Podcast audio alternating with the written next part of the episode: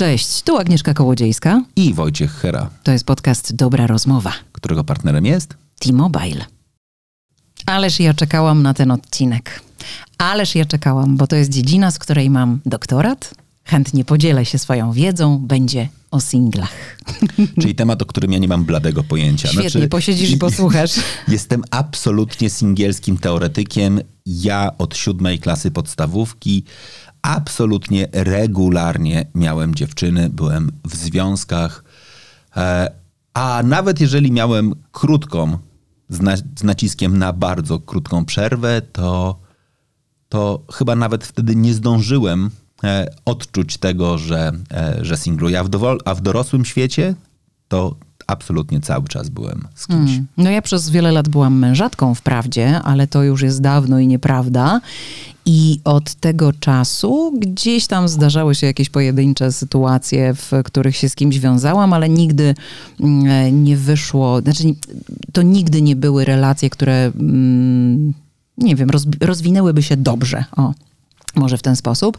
E, nigdy nie rozwijały się jakoś bardzo źle, żeby była jasność, bo ja też e, każdy związek kończyłam w przyjaznej raczej atmosferze i do tej pory z moimi byłymi partnerami się lubimy, rozmawiamy i, i w ogóle jest ok.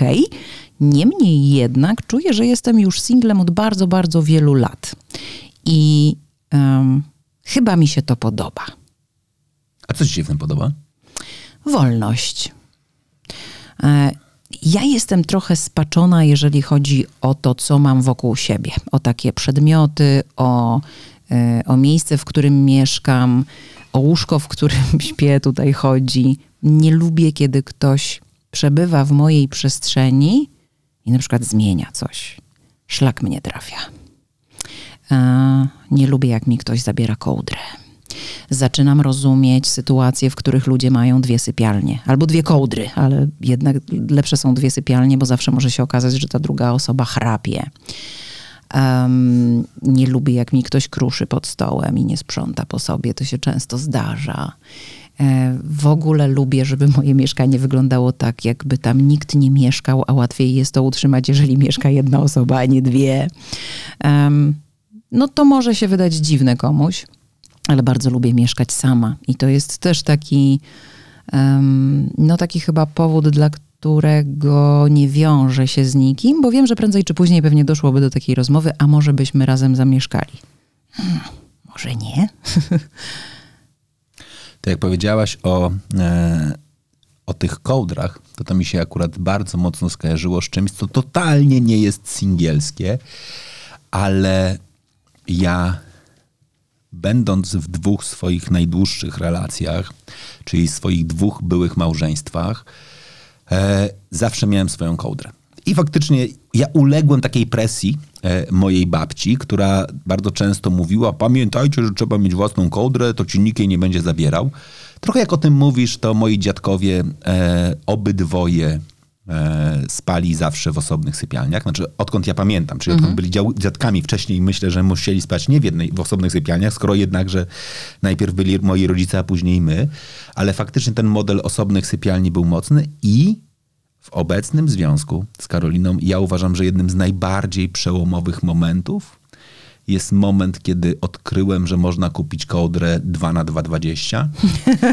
Gratuluję. Czyli ona jest dla mnie spełnieniem marzeń o niezależności i bliskości. Znaczy, z jednej strony nie ma szans, żeby ktoś ci ją zabrał, a z drugiej strony masz gwarancję przytulenia się. Co jest dla mnie na przykład osobiście szalenie istotne, ważne. Ja po prostu lubię. Czyli łączysz jedno z drugim. Okej, okay, a z czego to wynika, że zawsze od, y, jak powiedziałeś, chyba tam siódmej klasy podstawowej, zawsze kogoś miałeś? Czy to wynika z, na przykład ze strachu przed, nie wiem, by, byciem samemu, przed samotnością? Czy, czy tak się składało? Dlaczego to tak jest, jak myślisz, w twoim życiu?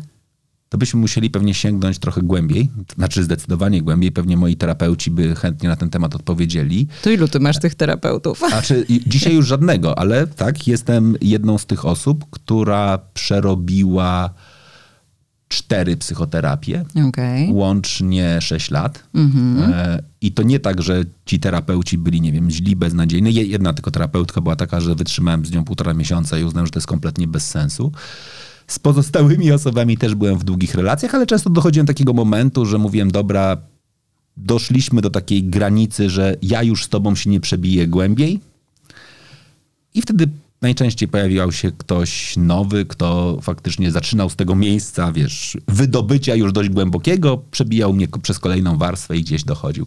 I ja, to w ogóle nie jest tak, trochę terapeutyczne. To nie jest na przykład moim zdaniem lęk przed e, właśnie samotnością i tak dalej. Ja faktycznie mam bardzo dużą e, potrzebę bliskości mhm. i mam też bardzo e, dobrze chyba, tak już dzisiaj na pewno w ogóle, e, rozbudowane takie umiejętności łączenia trochę niezależności ze współzależnością. Ja w ogóle bardzo mocno wierzę we współzależność w związkach i to, co mnie bardzo długo, akurat w kategorii tej rozmowy, e, stawiało i, i trochę denerwowało, to ja bardzo się buntowałem w świecie, w którym my mówiliśmy, czy też my, ja jednakże mimo wszystko też psycholog, jako, jako psycholog i psychologowie mówiliśmy, że singielstwo jest lepsze niż nieudana relacja. Mm. To mogę powiedzieć, ze wszechmiar jest. Totalnie tak. Ale nie stawiajmy singielstwa w kontrze do nieudanej relacji.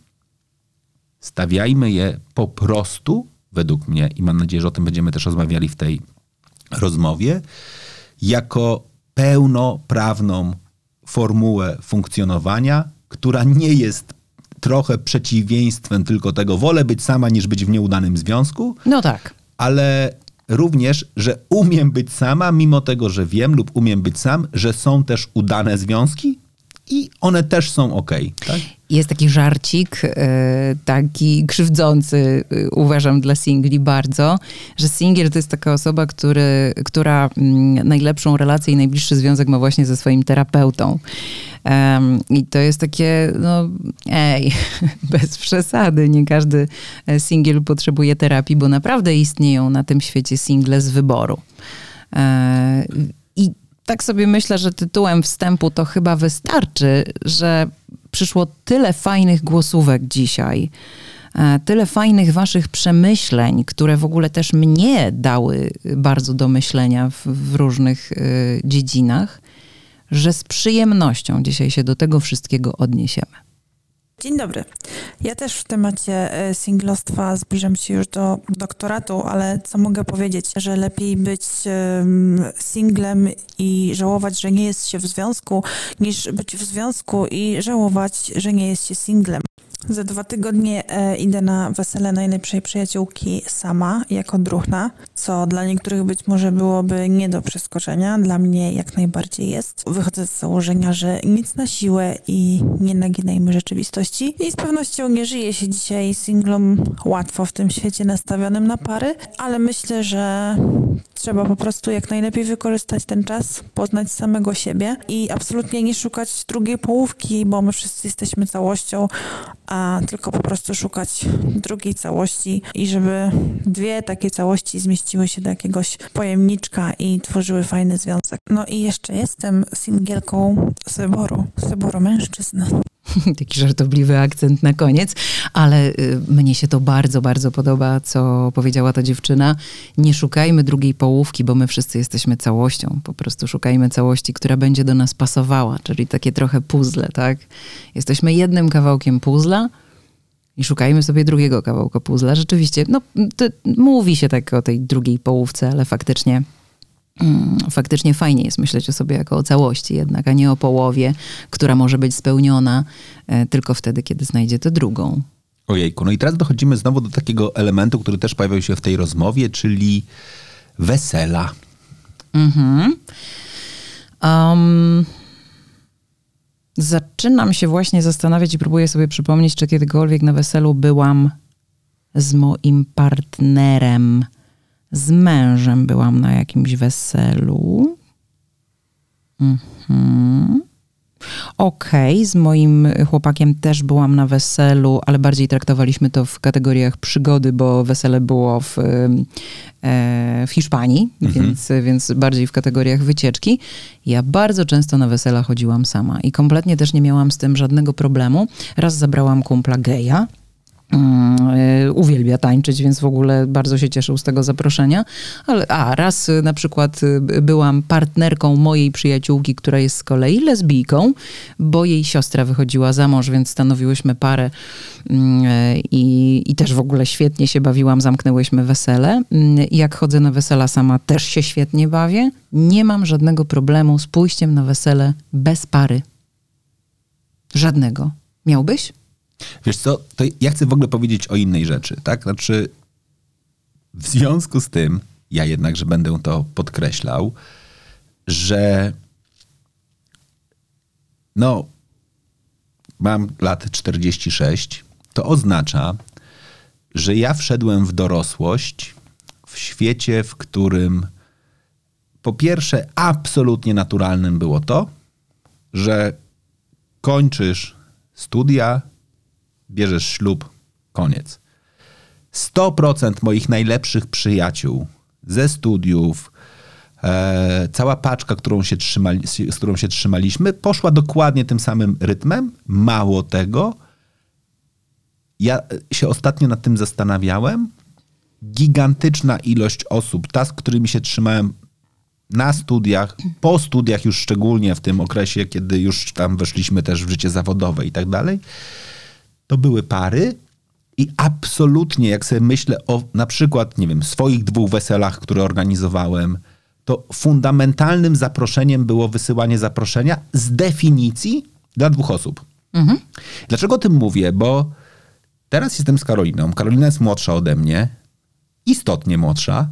Jest z pokolenia, moim zdaniem, już zdecydowanie innego, i tam absolutną normą jest, że zapraszasz swoją przyjaciółkę, swojego przyjaciela, swojego kolegę, kropka. Jeżeli jest w związku, to jest zaproszenie plus one. Tak? I jakby mm-hmm.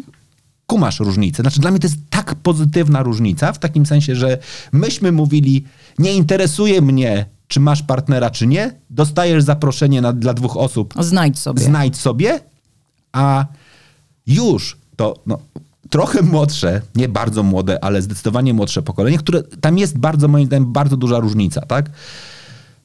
Oni w większości no, mają około 30 paru lat i tam bardzo dużo osób jest jeszcze singlami i dla nich jest tak naturalne, że zapraszamy po prostu według tych ludzi, których znamy. Oczywiście ci, którzy są w związku, dostają zaproszenie dla związku. Ci, którzy są pojedynczo i tu pojawia się bardzo ważna rzecz. Dostajesz telefon, maila, zapytanie pod tytułem hej, chcesz zaproszenie dla jednej osoby czy plus one. I to jest, wiesz, uzgadniane z taką od, od samego początku akceptacją tak, Te, mhm. tego świata, że na tę imprezę, która się nazywa wesele, przyjdziesz po prostu sama. Hmm. Moim zdaniem to jest jedna z najpiękniejszych zmian w ogóle, która jakby zachodzi w kategorii naprawdę akceptowania tego, że świat jest.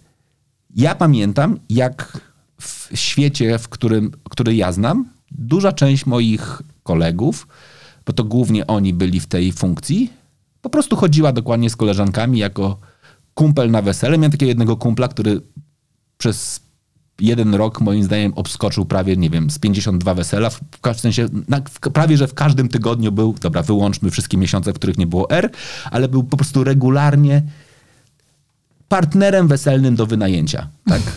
Był naprawdę w tym dobry, był diabelnie przystojny, świetnie tańczył, e, nie był w żadnym stałym związku, wszyscy o tym wiedzieli i do tego perfekcyjnie ściemniał, w związku z czym jak tylko ktoś mu musiał dostać krótki brief, jaka jest moja rola, funkcja i tak dalej i rozwiązywał wszystkie problemy, wiesz, rzeczy. To było chore. Znaczy, to był totalnie chory świat, że wiesz, bierzesz obcą osobę tylko po to, żeby mieć parę.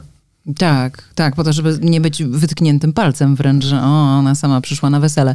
No rzeczywiście to jest y, problem tego naszego pokolenia mm, i tego, że nasi rodzice trochę funkcjonowali właśnie w takim świecie, wiesz, no te wesela wszystkie, y, które są robione, wiesz, na 200 osób, y, gdzie tak naprawdę to twoi rodzice zapraszają. Ty się żeni, że twoi rodzice zapraszają gości i mówią ci, że ciocia Miecia z wujkiem Gienkiem muszą być. Bo, bo tak, bo oni nas zapraszali, mieliśmy. No to trochę te czasy rzeczywiście już odchodzą w zapomnienie to jest, to jest dobra zmiana, mm, uważam, i, e, i to jest e, ok. Myślę, że naprawdę dzisiaj już bardzo wiele osób nie ma problemu z tym, żeby e, zapraszać pojedynczo i chodzić pojedynczo na wesela. Ja po ostatnim swoim związku, no cieszę się, że to się skończyło, ale z drugiej strony są takie sytuacje, w którym e, fakt bycia singlem, no doskwiera fakt, że znajomi mają kolejne dziecko, albo że, że, że spędzają ze sobą rodzinnie czas, że zakładają rodziny, a ty nadal jesteś sam. No to jest taka sfera singla, e, która, która potrafi gdzieś tam zaboleć, tak? Ja sam w tym momencie e, jako singiel na tą chwilę, no to mówię z ręką na sercu, że ja odpoczywam, tak? Nie mówię, że chcę być zdeklarowanym singlem do końca życia. Na pewno chcę założyć rodzinę, chcę mieć żonę, dzieci, tak? Ale na tą chwilę ja jako singiel, jako Maciej odpoczywam sobie po nieudanym e, prawie czteroletnim związku. Znam zdeklarowanych singli, zarówno płci męskiej, jak i żeńskiej, którzy po prostu nie wyobrażają sobie założenia rodziny, chcą być sami z wyboru. No ja to szanuję. Zależy kto jak do tego podchodzi, czy traktuje bycie singlem jako etap przejściowy, czy po prostu, tak jak powiedziałem już poprzednio, e, chce tak już żyć do końca swoich dni. No właśnie, to jest kluczowe, jak traktujesz to swoje singielstwo, e, bo rozumiem, że to może być problem, jeżeli jesteś osobą, która marzy o założeniu rodziny, a ci nie wychodzi, to bywa frustrujące. Bywa, to jest frustrujące po prostu. Um, boję się y, na przykład o niektórych moich znajomych, bo znam takie osoby, boję się o nich, że w pewnym momencie wpakują się w beznadziejny związek, tylko dlatego, że będą mieli poczucie, że czas leci, czas ucieka, zegar tyka i, i trzeba to będzie po prostu zrobić, bo za moment będzie za późno. Natomiast mnie się wydaje, że nie ma czegoś takiego jak za późno. Okej, okay, oczywiście, że jakby fizjologicznie jesteśmy jakoś tam ograniczeni. Kobieta na przykład już od pewnego wieku nie może mieć dzieci, ale wczoraj byłam na obiedzie z moimi przyjaciółmi i yy, mój przyjaciel opowiadał mi o swojej mamie, która jest po siedemdziesiątce i znalazła sobie rycha i z rychem chodzą na pizzę, yy, z rychem sobie grają w karty i, i stanowią naprawdę bardzo fajną parę. Przy czym o tyle jest to istotne w tej relacji, że mama mojego przyjaciela nigdy nie była w jakimś takim super szczęśliwym i spełnionym związku, ponieważ tato był taki trochę oschły więc y, kiedy tato umarł, no to gdzieś tam kilka lat trwało oczywiście, zanim ona przyzwyczaiła się do nowej sytuacji, ale są po, po 70 z rychem i bawią się świetnie.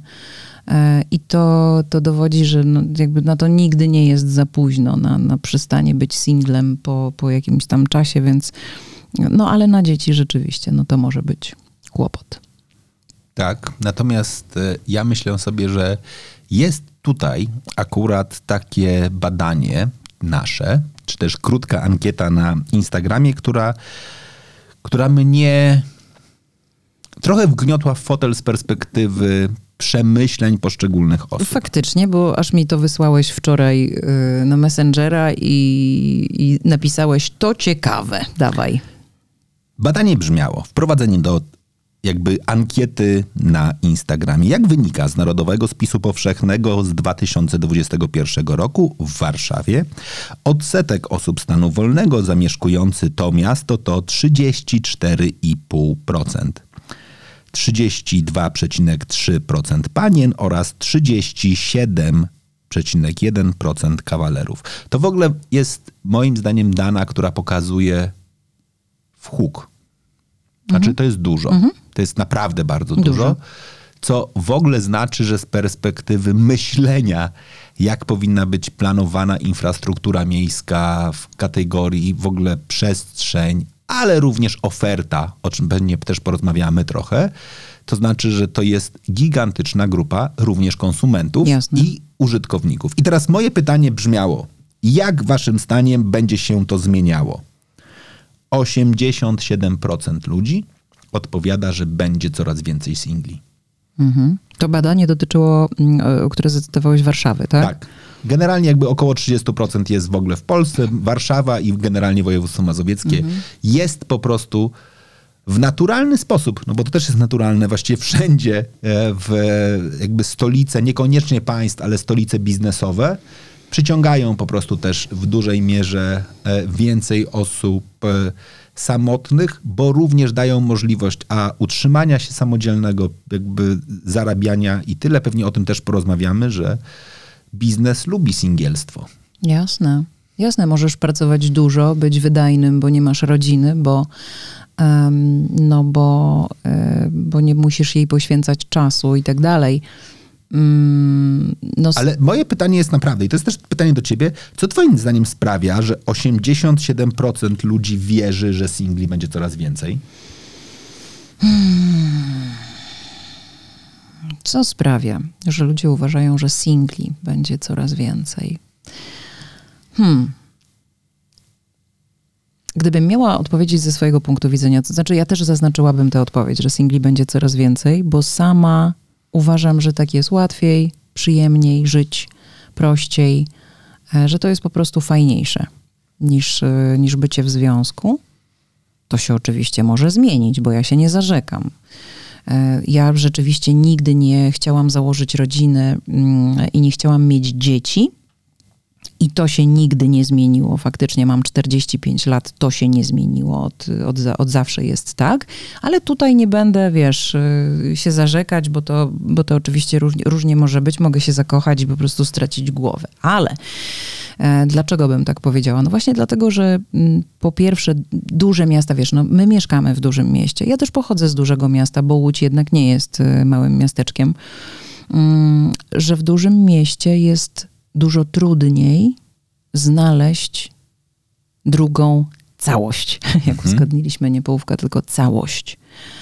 Tak mi się wydaje, bo te duże miasta jednak właśnie przyciągają. Zobacz, w Warszawie, wiesz, że ja nie mam znajomych warszawiaków rodowitych w zasadzie, prawie w ogóle. To są wszyscy ludzie, którzy są napływowi, którzy są przyjezdni. My jesteśmy z całej Polski. Dlaczego ci ludzie tutaj przyjechali? No właśnie do pracy. Mhm. Jeżeli przyjechali do pracy, to znaczy, że się tej pracy bardzo poświęcają, dostali szansę, wzięli te szanse. No i, e, jakby korzystają z dobrodziejstw i pracy, i dużego miasta mm, i tak dalej. Ja wiem doskonale, ile ludzie w Warszawie pracują. Ja mhm. sama wiem, ile ja pracuję. Ja nawet nie mam gdzie poznać faceta jeżeli nie w pracy. Rozmawialiśmy ostatnio e, też w, w, ostatnim, w poprzednim, którymś z poprzednich odcinków o tym, e, że, że wiesz, o, o, o pracy z kimś bliskim albo o romansach w pracy. Ja miałam wyłącznie partnerów z pracy, dlatego że ja naprawdę nie mam czasu poznawać ludzi poza pracą.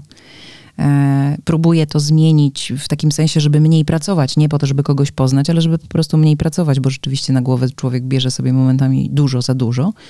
Ale właśnie dlatego wydaje mi się, że singli będzie coraz więcej, bo my sobie bierzemy dużo na głowę, bo my chcemy być tacy, yeah, ale to będzie sukces.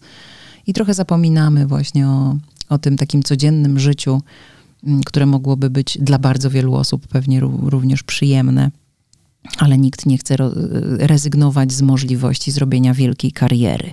I nawet jeżeli w danym momencie nic się nie zapowiada, że to będzie wielka kariera, to przecież zawsze wszystko może się zmienić, bo już nie takie kariery widzieliśmy, tak? Wiesz, tak myślę.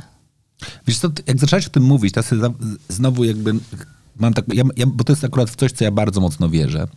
Ja bardzo mocno wierzę, że również nasza, e, nasze zachowania w dużej mierze kształtowane są jednakże przez kulturę. W rozumieniu pewnie ja bardzo mocno wierzę w jakby nazwijmy to beha behawioralną funkcję e, filmu. I teraz ja jestem tym, już kiedyś o tym w jednym z odcinków rozmawialiśmy, który był wychowany absolutnie na cudownych latach, film o szczeniackiej miłości. Mm. W związku z czym trochę pytając na przykład, dlaczego byłem w związku od siódmej klasy, no bo oglądałem dokładnie cudowne lata i tam wiadomym było, że trzeba było się zakochać w Winnie Cooper, więc tylko porównywałeś wszystkie dziewczyny podobne do Winnie Cooper, czy nie, zakochiwałeś się. W niej później 90, Beverly Hills 90210. Mnie na przykład ominęli przyjaciele, tak, w takim rozumieniu, jak również seks w wielkim mieście, który pokazywał kolejne trendy. I teraz, dlaczego o tym mówię? Bo myśmy w którymś podcaście o tym rozmawiali, ale nie tak dawno czytałem badania, które mnie totalnie wbiły w fotel, dotyczących oczekiwań obecnej młodzieży, tego najmłodszego pokolenia i jak oni wyobrażają sobie relacje filmowe. jest bardzo duża, jakby silna presja na e, producentów hollywoodzkich. Relacja między kobietą a mężczyzną nie musi być relacją romantyczną. Tak? Ja jestem z tego pokolenia, w którym było proste. Spotykaliście się w barze, zakochiwaliście się w sobie, był seks lub nie było seksu, w zależności od tego, jak stary był to film, albo był przed ślubem, albo po ślubie, ale na pewno się w sobie zakochaliście i żyliście długo i szczęśliwie. Koniec.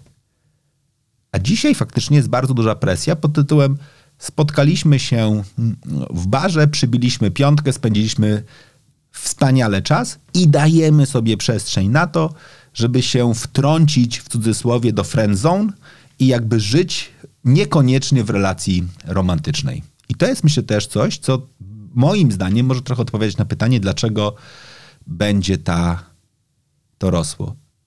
Ja nie mam przekonania, czy to dobrze, czy to źle w ogóle. Tak? Znaczy ja w ogóle nie, jest, boję się i nawet jakby nie, nie umiem jakby odpowiedzieć na pytanie, czy jak to, e, jak to oceniać. Uważam, że tak długo, jeżeli to zjawisko będzie spójne z poczuciem szczęścia, tu pozdrowienia dla Janusza Czapińskiego, poszczególnych osób, to dobrze. Znaczy, jeżeli będziemy szczęśliwi zarówno w związkach i nauczymy się budować szczęśliwe związki i będziemy szczęśliwi w singielstwie, to będzie super. Bycie singlem pewnie dla niektórych jest super sprawą. Dla mnie nie do końca, ponieważ jestem po rozwodzie. Wszyscy dookoła mnie właśnie zakładają rodziny. Co zawsze było moim marzeniem, a teraz spełnia się u innych na moich oczach. Aczkolwiek jestem singlem pierwszy raz w moim dorosłym życiu i staram się wykorzystać ten czas na poznanie siebie, sprawdzenie czego chcę, czego nie chcę w życiu i docenienie tego czasu, żebym w przyszłości mogła po prostu stworzyć jakiś fajny związek. Aczkolwiek są lepsze i gorsze chwile.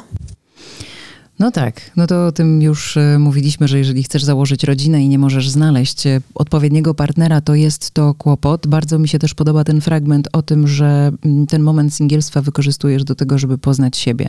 Myślę, że ja to doskonale chyba zrobiłam. Tu się muszę pochwalić, że tutaj odrobiłam lekcję, e, kiedy zaczęłam być singlem. Mm, okej, okay, może nie dowiedziałam się, czego w życiu chcę, ale doskonale wiem, czego w życiu nie chcę. I, e, I to mi pomaga podejmować różne życiowe decyzje, i to mi pomaga być szczęśliwą. I ja w ogóle nie pamiętam takiego momentu, w którym ktoś by mnie zapytał, czy ty jesteś szczęśliwa, ja bym powiedziała nie do końca. Ja zawsze zawsze widziałam, ale to jest taki, wiesz, to, to jest trochę taki optymizm, taki trochę popieprzony, szczerze mówiąc, bo rzeczywiście też miałam gorsze momenty w życiu, a mimo wszystko zawsze byłam w jakiś sposób szczęśliwa, bo ja się też umiem cieszyć z małych rzeczy ale to są też małe rzeczy, które ja sobie sama funduję. Mm, w takim sensie, że e, ja je sama organizuję w moim życiu. One się zdarzają dlatego, że ja chcę też te, tego, żeby one się zdarzały. Mm, I mówię, no naprawdę mam wrażenie, że tak poznałam siebie i zyskałam tak ogromną samoświadomość, że czasem myślę sobie, kurde, mnie już nic nie ruszy. Ja jestem normalnie jak skała. Okej, okay, być może zdarzy mi się zakochać i będzie fajnie, ale to musiałby być rzeczywiście wyjątkowy człowiek, który nie przekroczy moich granic, a one są takie, wiesz, to nie jest tak, że ja mam bardzo daleko przesunięte te granice. Ja doskonale wiem, jak to wszystko, wiesz, powinno wyglądać i tutaj przekroczenie jakiejś granicy już od razu dyskwalifikuje. E, no i tyle. Także to o poznawaniu siebie w singielstwie jest, no jest prawdą. To jest dobry czas. Jesteśmy inni, w, będąc singlem, niż, niż kiedy jesteśmy w związkach. Są ludzie, którzy tak się zatracają w związkach, że jakby nie, nie są wtedy ze sobą w ogóle. Co uważam, że nie jest do końca dobre, tak? bo nawet będąc w związku powinniśmy mieć ten, ten czas dla siebie i, i takie, takie momenty, kiedy robimy coś dla siebie. Bardzo wiele osób y, z miłości się zatraca zupełnie. Mm, moja przyjaciółka opowiadała mi e, teraz w, w miniony weekend o tym, co powiedziała jej mama. Ona była tak ślepo zakochana w chłopaku. Ten związek nie przetrwał, ale ona była tak ślepo zakochana w chłopaku, że kiedy przyjeżdżali do jej mamy, to mama nigdy nie powiedziała jej o tym w trakcie tego związku. Dopiero jak ten związek się rozpadł, mówi: Wiesz, Ja nie żałuję, że ten twój związek się rozpadł, bo ciebie nie było. Ani dla mnie, ani dla ciebie ciebie nie było. Kiedy wy byliście razem, byliście tak pochłonięci sobą, że zapraszanie was nie miało kompletnie żadnego sensu. Z jednej strony chciałem powiedzieć, że to ładne, że ludzie tak bardzo się zatracają, a z drugiej strony tak, to jest trochę nawiązuje do tego, co, e, co ty powiedziałaś, czyli jednakże o budowaniu też trochę tej swojej odrębności i swoich, e, swoich własnych e, granic. Jak też trochę o tym mówiłaś, to był jednakże moment w moim życiu, on, on jednakże jest trochę ważny, czyli po moim ostatnim rozwodzie, a właściwie jakby po wyjściu moim też z małżeństwa, no to zanim poznałem swoją obecną partnerkę, no to byłem przez jakiś etap e, w modelu singielskim, ale to był moment taki, którego ja nawet w ten sposób nie zdefiniował, bo to no jednakże jak wychodzisz po 14-letnim małżeństwie, to, to faktycznie musisz się trochę otrząsnąć z tego. E, I ja celowo o tym mówię, bo ja pamiętam wszystkie moje dyskusje, które właśnie też miałem między innymi dyskusje, opowieści, no bo jakby z terapeutą nigdy nie dyskutujesz, bo on się tylko dziwnie na ciebie patrzy i ci zadaje pytania właściwie, nawet nie, tylko ojcu pan czuje. E, nie chcę się z tego odwolować, ale, e, ale jak ja opowiadałem wszystkie te elementy trochę takie jak twoje, ja już teraz wiem, jak ja będę żył, ja już teraz będę dbał o to, żeby mieć swój zawsze i tak dalej. Ja nawet miałem dokładnie takie samo twoje wyobrażenie jak ty na, na temat związku. Ja jak wejdę w jakąkolwiek relację, to to na pewno będę dbał o to, żeby mieć swoje mieszkanie i żebyśmy się spotykali w tym drugim mieszkaniu i w ogóle wszystko miałem ułożone. No i później, kilka dobrych, kilka miesięcy później, ja do dziś pamiętam, jak powiedziałem, powiedziałem, prawdę powiedziawszy, wszystko, co powiedziałem, odwołuję. ja chcę z nią żyć. ja, ja, ja, chcę z nią żyć. E, chcę jej dać klucze do mieszkania, zaprosić do życia i no i pykło. No, i no tak, no miłość zmienia o, bardzo wiele. Oby pykło tak jak najdalej. Po 17 latach związku, a dokładnie małżeństwa, zostałem singlem. Na własne życzenie, ale o tym może innym razem. Na początku nawet mi się to podobało. Zero odpowiedzialności, wolność, większy luz psychiczny, więcej czasu dla siebie. Na plus zaliczyć też trzeba przyziemne sprawy. Nie musisz opuszczać klapy od kibla, do życia wystarczy widelec, nóż, łyżka, dwa talerze, w ogóle to po co gotować? Można zamówić sobie catering. Jestem singlem, to mnie stać i nie trzeba zmywać. Niestety po dwóch latach takiego trybu życia zauważyłem, że są i wady. Kroczyła monotonia i schematy. Praca, zakupy, dom, praca, zakupy, dom. Zacząłem oddalać się od ludzi. Brakuje mi zwykłego przytulenia, pocieszenia. Drobne kłótnie też były przyjemne. Brak intymności fizycznej, pocałunków na dzień dobry. Nie mam komu kawy do łóżka podać. Spacery po lesie w samotności to nie to samo, co we dwoje. No i to to uczucie, że jestem dla niej oparciem. Dzięki. Dzięki. E, mnie się wydaje, że o swoją higienę psychiczną chyba trzeba dbać właśnie ze zdwojoną siłą, kiedy jest się singlem, zwłaszcza kiedy się wychodzi właśnie z takiej bardzo długiej, długoletniej relacji. E, moje małżeństwo, co prawda może nie trwało aż tyle, ale ta relacja, najpierw narzeczeństwo, potem małżeństwo, to trwało chyba 16 lat, o ile się nie mylę. Ja jestem kiepska, jeżeli chodzi o daty. Nie powiem, kiedy to było, kiedy się rozwiodłam, kiedy wyszłam za mąż. Naprawdę nie umiem w ogóle tego powiedzieć. E, taka przypadłość, myślę, że to nawet jest jakaś choroba, która się jakoś nazywa. Nie pamiętam o urodzinach znajomych i tak dalej, ale... O, to mamy to samo. W końcu coś mamy tak? to samo. No widzisz. Um, ale, y, ale no wiesz, no dla mnie to też y, było bardzo trudne, bo mimo, że małżeństwo w jakiś tam sposób wygasało, prawda, i to się czuło, ale jednak byłeś w tym małżeństwie. Kompletnie nie potrafiłam sobie wyobrazić, jak to ja będę sama? Ja przyjdę do domu i jego nie będzie? Mimo, że ja już nie chcę z nim być, bo chyba już się nie do końca kochamy, chyba to w ogóle wszystko nie, nie działa, a mimo wszystko był taki strach, no właśnie chyba przed samotnością, przed takim dojmującym uczuciem bycia samemu na tym świecie. E, ale to bardzo szybko u mnie minęło. Mm, ja w ogóle pamiętam taki moment, mm, kiedy mój mąż, no podzieliliśmy się jakoś tam rzeczami, które mieliśmy i on akurat zabrał łóżko. Ja przez długi czas, y, zanim tam, nie wiem, uzbierałam, zdecydowałam się na, na nowe łóżko, spałam na takim materacyku e, składanym, który tam mam gdzieś, jak się jeździ, nie wiem, na biwaki albo, albo coś. I pamiętam, jak on to wszystko zabrał, i jak ja rozłożyłam ten materacyk w dużej, naprawdę dużej sypialni, bo to było takie mieszkanie w kamienicy z bardzo wysokim sufitem, to prawie się rozpłakałam. Cieszę się że, się, że wtedy tego nie zrobiłam, że się nie rozpłakałam, ale to było takie, to był taki smutny widok. Dzisiaj wchodzę do mojej sypialni, e, zafundowałam sobie łóżko tak zwane kontynentalne, czyli takie wiecie, hotelowe, które jest ogromne. Jak ktokolwiek przyjeżdża do mnie i śpi w tym łóżku, to w ogóle ludzie się w nim zakochują. I dzisiaj jak wchodzę do sypialni i widzę to łóżko, mówię, i tak trzeba żyć. Mam je całe dla siebie. Łóżko jest, y, to taka już dygresja, łóżko jest y, tak fajne, że mam znajomych z Mazur, którzy powiedzieli, że jak umrę, to oni chcą łóżko. Więc ja a propos odcinka o testamentach, będę musiała to jakoś zapisać. No i to i przerąbane, bo już jest motyw. Generalnie o, w, w, w, w, tym momencie już absolutnie po tej rozmowie e, ten, no dobra, ale to może być też trochę inaczej. Mam to wielkie szczęście i naprawdę je doceniam, że ani moja rodzina, ta najbliższa, ani moi znajomi nie pytają mnie o to, dlaczego jestem singielką, dlaczego do tej pory sobie nikogo nie znalazłam. I w sumie całe szczęście, bo ja naprawdę nie potrafiłabym im na to pytanie odpowiedzieć. Natomiast wydaje mi się, że oni wychodzą z bardzo słusznego założenia, że jak kogoś poznam, to poznam. I pytanie mnie co chwilę o to, dlaczego to się do tej pory nie wydarzyło, raczej tego faktu nie przyspieszy i nic w tym temacie nie zmieni. Jeżeli chodzi natomiast o to, czy jest mi łatwiej, czy trudniej, to w sumie sama nigdy się nad tym nie zastanawiałam. Natomiast ostatnio moi znajomi zaczęli mi zwracać uwagę na rzecz, o której ja nigdy wcześniej nie pomyślałabym jako o problemie, a okazuje się, że może można by tak na nią spojrzeć. Chodzi mianowicie o kredyt. Ja jestem singielką, mam mieszkanie, spłacam za to mieszkanie kredyt hipoteczny. Jest to dla mnie najbardziej oczywista rzecz na świecie.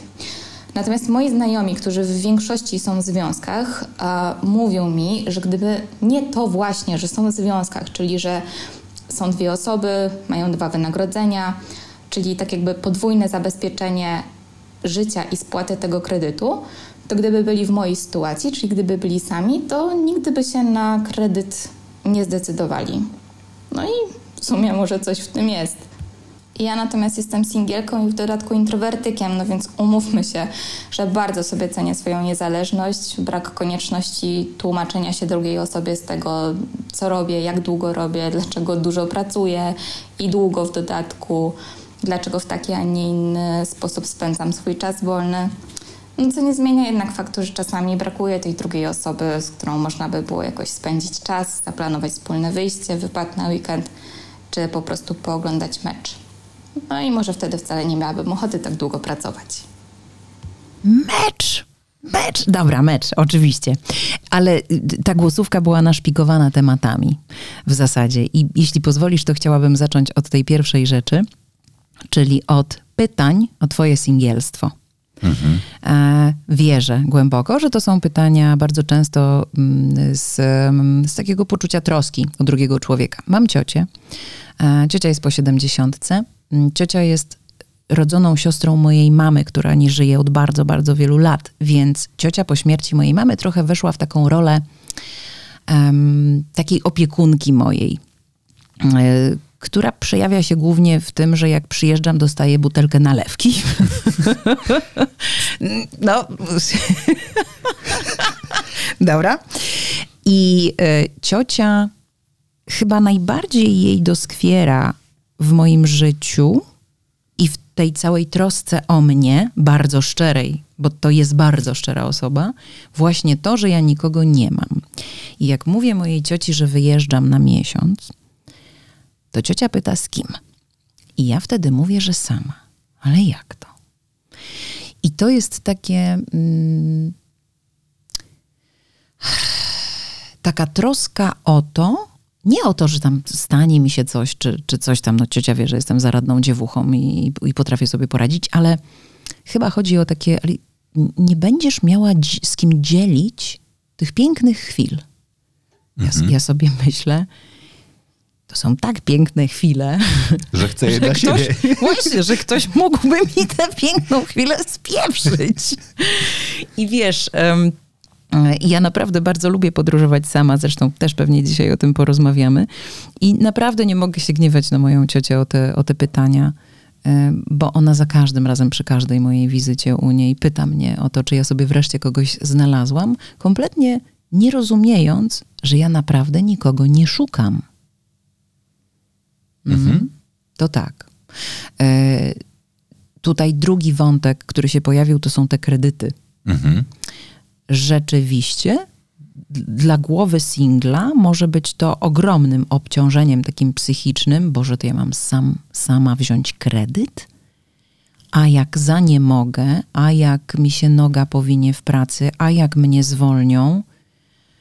Um, Dobra, to ja, hmm. będę, ja stanę tutaj w obronie. Po pierwsze, nie mam przekonania, że to obciążenie jest większe niż w sytuacji, w której rozmawialiśmy o podziale obowiązków domowych mhm. na przykład.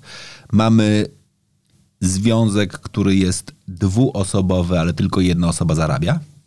Mhm. I ta jedna osoba ma na sobie też większe obciążenie.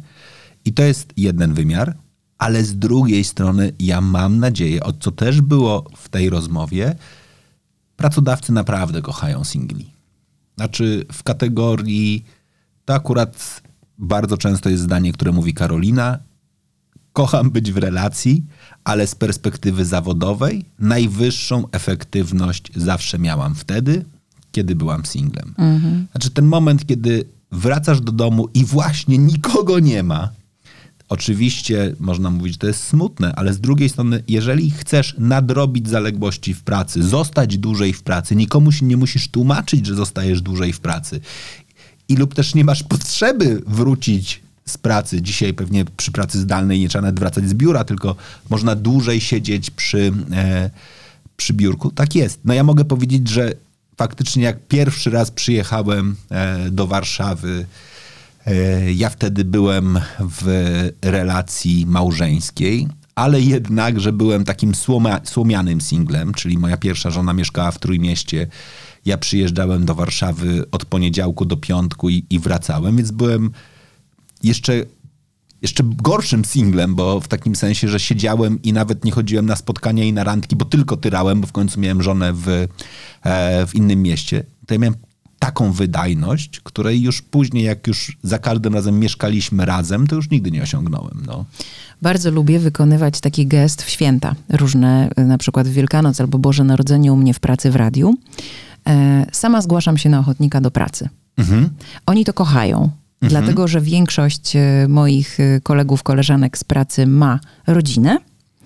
I święta są takie rzeczywiście kłopotliwe. My trochę jesteśmy, znaczy nie, nie chciałabym nas jakoś tam yy, bardzo tej naszej pracy uwznioślać, ale trochę jesteśmy, wiesz, no jak lekarze, strażacy i tak mhm. dalej. No my mamy dyżury zawsze. To nie jest tak, mhm. że radio wyłączysz na święta i ono nie będzie grało, więc lubię właśnie wykonywać ten gest i mówić, słuchajcie, wy macie rodziny, my jesteśmy wszyscy przyjezdni, ja doskonale zdaję sobie sprawę z tego, że wy na te święta musicie pojechać, znaczy musicie, chcecie, jak sądzę, musicie pojechać gdzieś daleko. Ja spokojnie wezmę te newralgiczne dyżury. Wigilię, wiesz, Boże Narodzenie, nie ma żadnego problemu. Wlepcie mi tyle, ile można i na ile prawo pracy y, pozwala, bo ja to naprawdę wezmę, bo ja kompletnie nie czuję żadnej potrzeby, żeby gdzieś tam jechać, coś robić w ogóle. Oni cię kochają za to. Oni mnie kochają za to, rzeczywiście. To na święta to, to już taka, taka świecka tradycja, że ja rzeczywiście to robię. Y, I ja kompletnie nie mam z tym żadnego problemu. Ja to nawet lubię, bo czuję, że dzięki mnie komuś jest po prostu dzisiaj fajniej. Więc trochę zamykając to w ten sposób, ja rozumiem, że totalnie rozumiem, że stres brania na przykład zobowiązań finansowych, będąc singlem, w kontrze do relacji, w której dwie osoby zarabiają, jest wyższe, ale ryzyko tego, tak, że jakby stracisz pracę. Wyłączam taki moment pod tytułem mamy zwolnienia grupowe, kogoś trzeba zwolnić, upraszczając. Józka zatrzymamy, bo jest jedynym żywicielem rodziny. Singla zwolnimy, bo w sumie on tylko za siebie odpowiada, czyli wyłączam taki element, ale jest moim zdaniem mniejsze prawdopodobieństwo, że wyrzucą cię za niewywiązywanie się z obowiązków, bo moim zdaniem te osoby są po prostu, ja mam takie wyobrażenie diabelnie skuteczne, efektywne i dbające również o to, żeby w tych obszarach się też często realizować. Ale wiesz co, Wojtek, w kontekście y, myślenia singla to nie ma większego znaczenia to, o czym ty teraz mówisz. E, Ja sama wpadłam właśnie w tę pułapkę takiego myślenia. To jest nieważne, logika wtedy odchodzi. Po prostu, okej, jestem sama. Ja nie kupiłam własnego mieszkania nigdy. Mam 45 lat, nie mam swojego mieszkania kupionego na kredyt, za gotówkę, to za gotówkę też w ogóle, ale nie mam z dwóch powodów. Połowa to, to był zawsze właśnie strach przed tym, że jak stracę pracę, to dupa będzie z tego i potem będą kłopoty.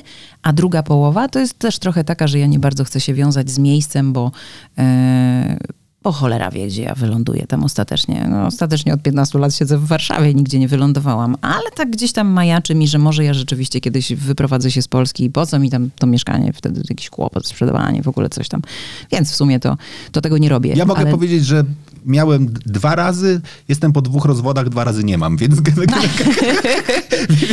więc, więc, generalnie jakby związek nie ma nic wspólnego z tym, że zostaniesz z mieszkaniem. No e, śmieję się, ale jakby, to jest akurat śmieję się zgodnie z prawdą, ale jakby tak, to jest, to jest ten aspekt, rozumiem ten stres. Jest taki dowcip z, y, y, jakby opowiadany z punktu widzenia kobiety, dlaczego rozwód tyle kosztuje, bo jest tego wart. bo to się opłaca. no właśnie. To akurat tak, to, to, to jest prawda. No dobra, ale w tej rozmowie, czy też w tej, w tej głosówce, moim zdaniem są jeszcze dwa przepiękne, przepiękne elementy. Ja się naprawdę jakby przygotowując do tej rozmowy i słuchając tej głosówki, zastanawiałem, czy jest zależność pomiędzy ekstrawersją a introwersją, a singielstwem. Sp- sprawdziłem, to nie ma. Ale jest jedna zależność. Singielstwo introwertyka i singielstwo ekstrawertyka jest kompletnie inne. O, to oczywiście. Ja jestem typem ekstrawertycznego singla, zdecydowanie. I jak to wygląda? E, Mam masę przyjaciół. Mm, To nie jest tak, że ja ich po prostu biorę skądś i o, teraz ty będziesz moim przyjacielem, tylko ja rzeczywiście pielęgnuję. Czy bardziej oni rzeczywiście, bo ja w, w, w trybie singla wpadłam tutaj w Warszawie w taki tryb, że naprawdę bardzo dużo pracuję od lat, więc cieszę się i to są, napra- to, to są takie prawdziwe przyjaźnie, bo oni y, nigdy nie pozwolili też tym przyjaźniom zgasnąć, mimo że ja bardzo często zaniedbywałam odwiedzanie i tak dalej, ale mam rzeczywiście bardzo duże grono przyjaciół, większe niż średnio chyba, wydaje mi się, ludzie mają. I nie ma czegoś takiego, że ja nie mam do kogo gęby otworzyć, a lubię gębę otwierać, bo ja lubię sobie pogadać i poplotkować i poświrować i wyjść i tak dalej. Więc, yy, więc zawsze są ci ludzie i ponieważ niektórzy to są ludzie, którzy lubią imprezować, więc jak mam akurat taki feeling, to idę z nimi. Jak y, na domówkę, to idę z tamtymi. Jak na ploteczki, to z tymi. Więc, y, więc to jest właśnie coś takiego, że, mm, że ja to bardzo doceniam, że mam tych ludzi wokół siebie, bo gdybym ich nie miała, to byłoby przerąbane. To pewnie jako ekstrawertyk y, ścigałabym po prostu jakieś takie, wiesz, y, ludzi i, i w, jakby wchodziła w relacje z ludźmi na zasadzie takiej trochę, wiesz, fałszywej przyjaźni, bo ja wierzę, że w pewnym wieku już prawdziwej przyjaźni raczej nie zbudujesz, że te przyjaźnie zawiązują się jednak do jakiejś trzydziestki może, że potem to już trudno znaleźć takiego prawdziwego przyjaciela. Nie wiem skąd mi się to wzięło. Być może z mojego własnego takiego doświadczenia, że wszystkie przyjaźnie, w cudzysłowie, które zawiązałam po trzydziestce, to one nie są takie jak te, które zawiązałam wcześniej i które trwają do tej pory. To jest zupełnie inna relacja jednak. Ona jest taka słabsza po prostu.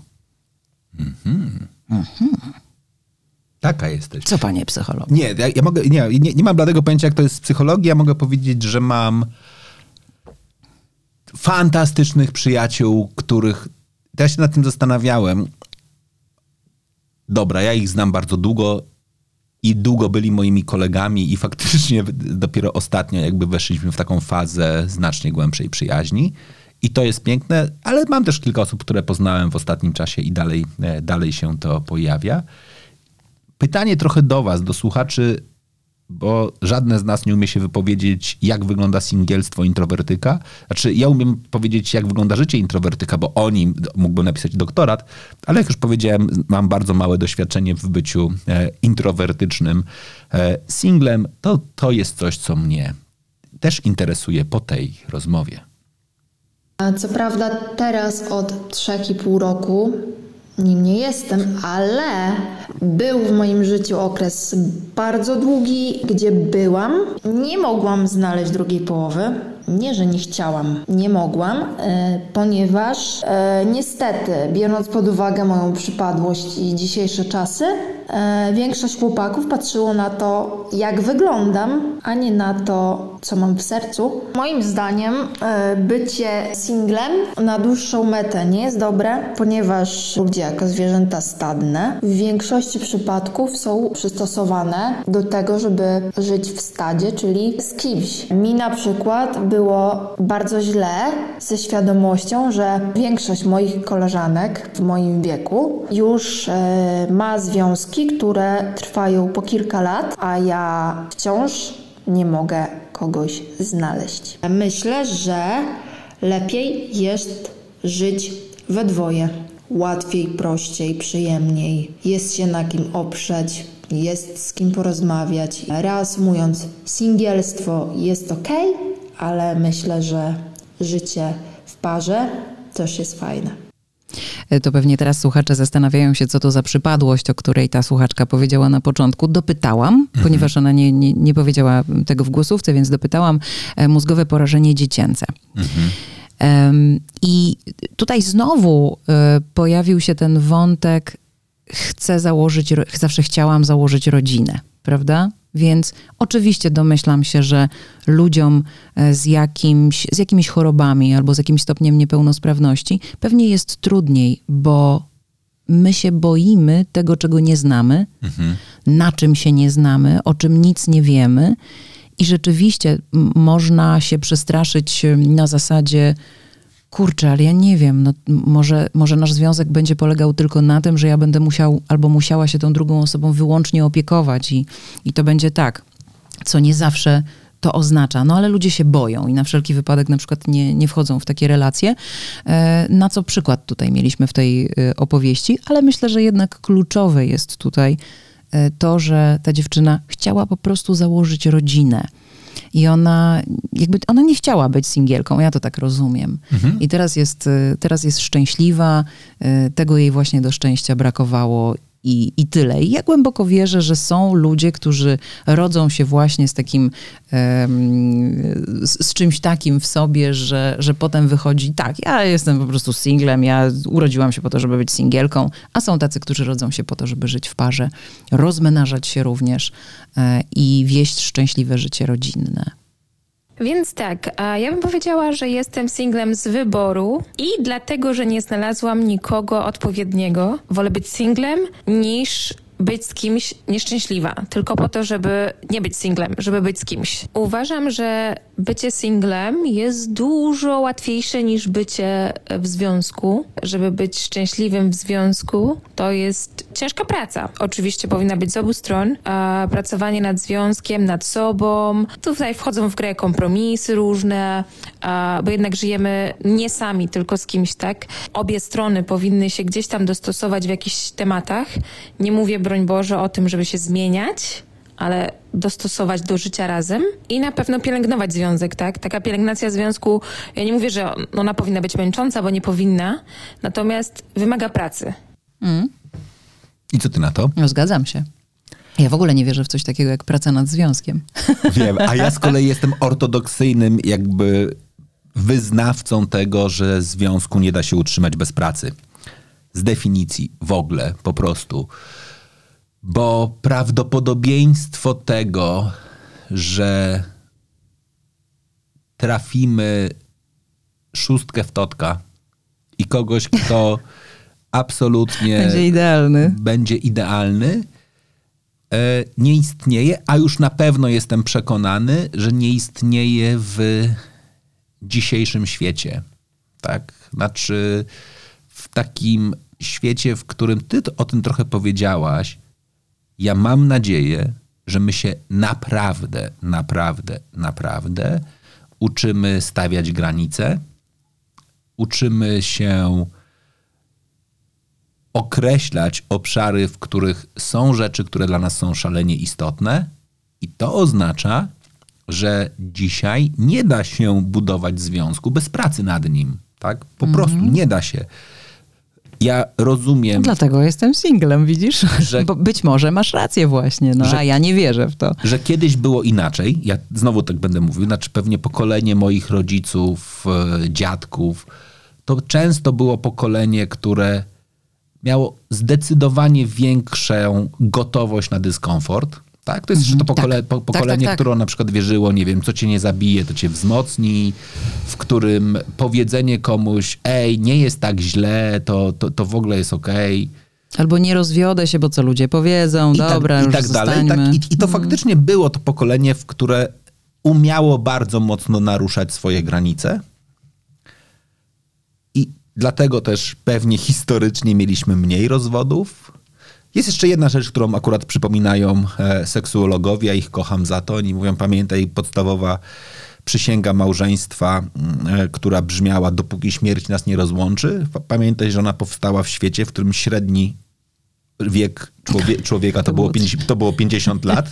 Albo i, Albo, albo nie, im albo dało i mniej. 40, no tak? W związku z czym faktycznie jak dzisiaj żyjemy do, e, do często 80, 90, to jakby ta gwarancja na udany związek tylko na bazie tej, tej, tych amorów i, i, i, i radosnego, początkowego e, zauroczenia jest po prostu no, ona wymaga trochę przedłużenia gwarancji, a każdy, kto siedział kiedykolwiek w procesach y, gwarancyjnych wie, że przedłużenie gwarancji jest możliwe tylko i wyłącznie wtedy, kiedy przedmiot objęty gwarancją przejdzie dogłębny remont. W związku z czym dokładnie, jeżeli chcesz relację przedłużać niż była kiedyś taka oparta o ten o element zachowania, to trzeba nad nią pracować i, i, i to jest po prostu wymagające. Piękne to było, Wojtek. Musimy z tego rolkę zapowiadającą ten odcinek zrobić. Piękne. To o, o porównaniu do gwarancji i do przedłużenia.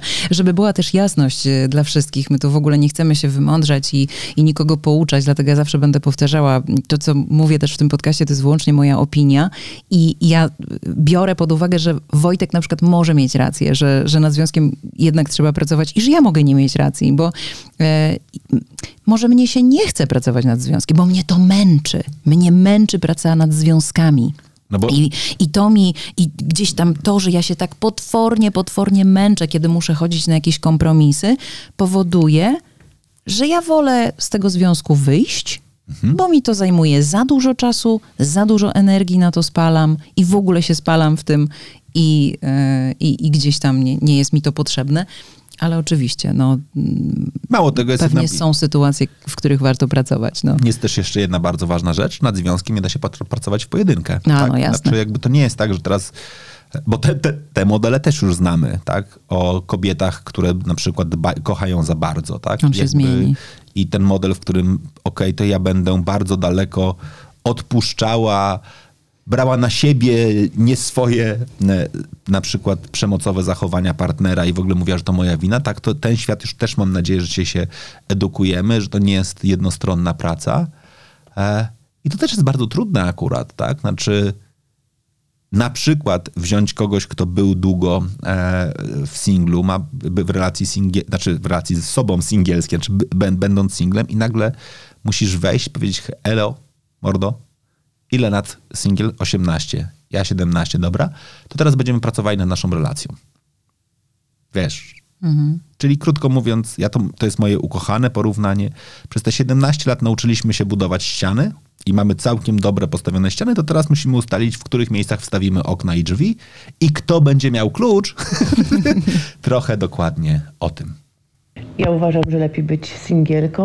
Jestem na pewno singielką z wyboru. Żyję sama, na własnych zasadach, we własnym mieszkaniu. Robię co chcę. Nikt mi nie gada, że jestem za mało jakaś, albo za dużo jakaś. Za długo śpię, albo za krótko śpię, albo czegoś nie robię, albo czegoś robię za dużo. Jestem e, na etapie czteroletnim bycia singielką z wyboru. Próbowałam parę razy wejść w jakąś relację, nawet mając nadzieję, że być może będzie to udane, ale za każdym razem ten ktoś przekraczał moje granice. Ostatnimi czasy uprzedzałam, że nie chcę być w poważnym związku, więc jeśli komuś pasowało spotykanie się oczywiście na wyłączność, to bardziej chodziło mi o takie coś, żeby zaznaczyć na samym początku, że na pewno nie będzie to stuprocentowy związek, czyli poznawanie rodzin, jeżdżenie na jakieś imprezki, e, poznawanie znajomych i spędzanie 100% razem. Ja po prostu lubię z sobą spędzać czas, więc Dla mnie są same plusy bycia singielką. Jak do tej pory minusów nie zauważyłam. Mam duże grono przyjaciół, więc nie mam problemu, aby z kimś pojechać na wakacje, wyjść do klubu, restauracji, kina. Więc ja minusów póki co przez te 4 lata bycia singielką nie widzę. E, Może się pojawią, nie wiem, może taki etap jeszcze przede mną. Czy ty tu widzisz analogię? Bo ja mam wrażenie, że my z tą dziewczyną mogłybyśmy sobie tak zrobić high five, przebić pionę i po prostu to jest moje alter ego. Mam dokładnie to samo. Uwielbiam spędzać czas sama ze sobą. Mało tego, ja łaknę tego czasu, mam go w ogóle za mało. Mm, I i ostatnio już jestem na tyle asertywna, że czasami jak mam gdzieś wyjść, y, y, to czas, czasem odwołuję i, i, po, i już powiem nawet, bo ja potrzebuję ze sobą pobyć. Po prostu to jest, y, e, to jest przyjemne. Natomiast chciałabym wrócić do jednej kwestii, ponieważ naprawdę czuję się bardzo mm, gdzieś mentalnie blisko tej dziewczyny. Ona powiedziała jedną rzecz, którą ja też bym śmiało powiedziała, a być może nasi odbiorcy, słuchacze mogą to źle zrozumieć, dlatego chciałabym to wyjaśnić. Spotykanie się na wyłączność bez zobowiązań. Co to znaczy? E, powiem za siebie, bo tutaj ona nie doprecyzowała, ale wydaje mi się, że to dokładnie to znaczy. Chodzi zwyczajnie o higienę. O higienę. Jakby zaufajmy sobie, to znaczy, mm, jakby opcja Friends with Benefits bywa naprawdę fajna, pod warunkiem, że właśnie szanujemy nawzajem swoje zdrowie. To znaczy, nie skaczemy z kwiatka na kwiatek, tylko rzeczywiście ta relacja na wyłączność polega na tym, że my sobie ufamy. Już kiedyś chyba o tym rozmawialiśmy. Robimy badania i tak dalej. Wiemy, że wszyscy oboje jesteśmy zdrowi e, i tak dalej. Więc tu nie chodzi o nic innego, e, bo, bo no tak chciałam to doprecyzować, że to prawdopodobnie właśnie dokładnie o to chodzi. A to w ogóle jak o tym rozmawiamy, być może o tym kiedyś też zrobimy odcinek. E, Ja jestem w ogóle turbo, turbo, turbo fanem badań na początku związku, tak po prostu, które dla mnie nie są objawem braku zaufania, tylko najwyższego zaufania. I ja kocham firmy zajmujące się e, badaniami, które mają pakiety dla par. Znaczy dla mnie to jest w ogóle, to jest tak cudowna oferta w takim rozumieniu, hej, wchodzicie w nowy związek, zróbcie sobie trochę badanie stan zero, Bo nam na sobie zależy. bo nam na sobie zależy. Dokładnie. Tak? Znaczy to w ogóle nie jest o tym, ej, nie ufam ci, przebadaj się, czy nie masz jakiejś choroby wenerologicznej lub czegokolwiek innego. Wręcz przeciwnie.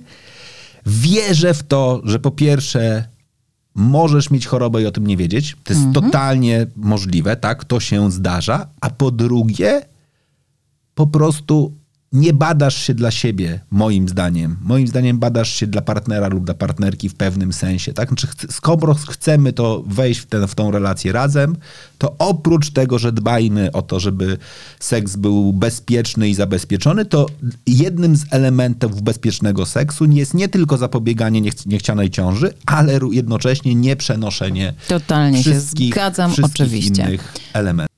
Mam 39 lat i od 14-15 roku życia nie byłam singielką. Zawsze wchodziłam ze związku w związek.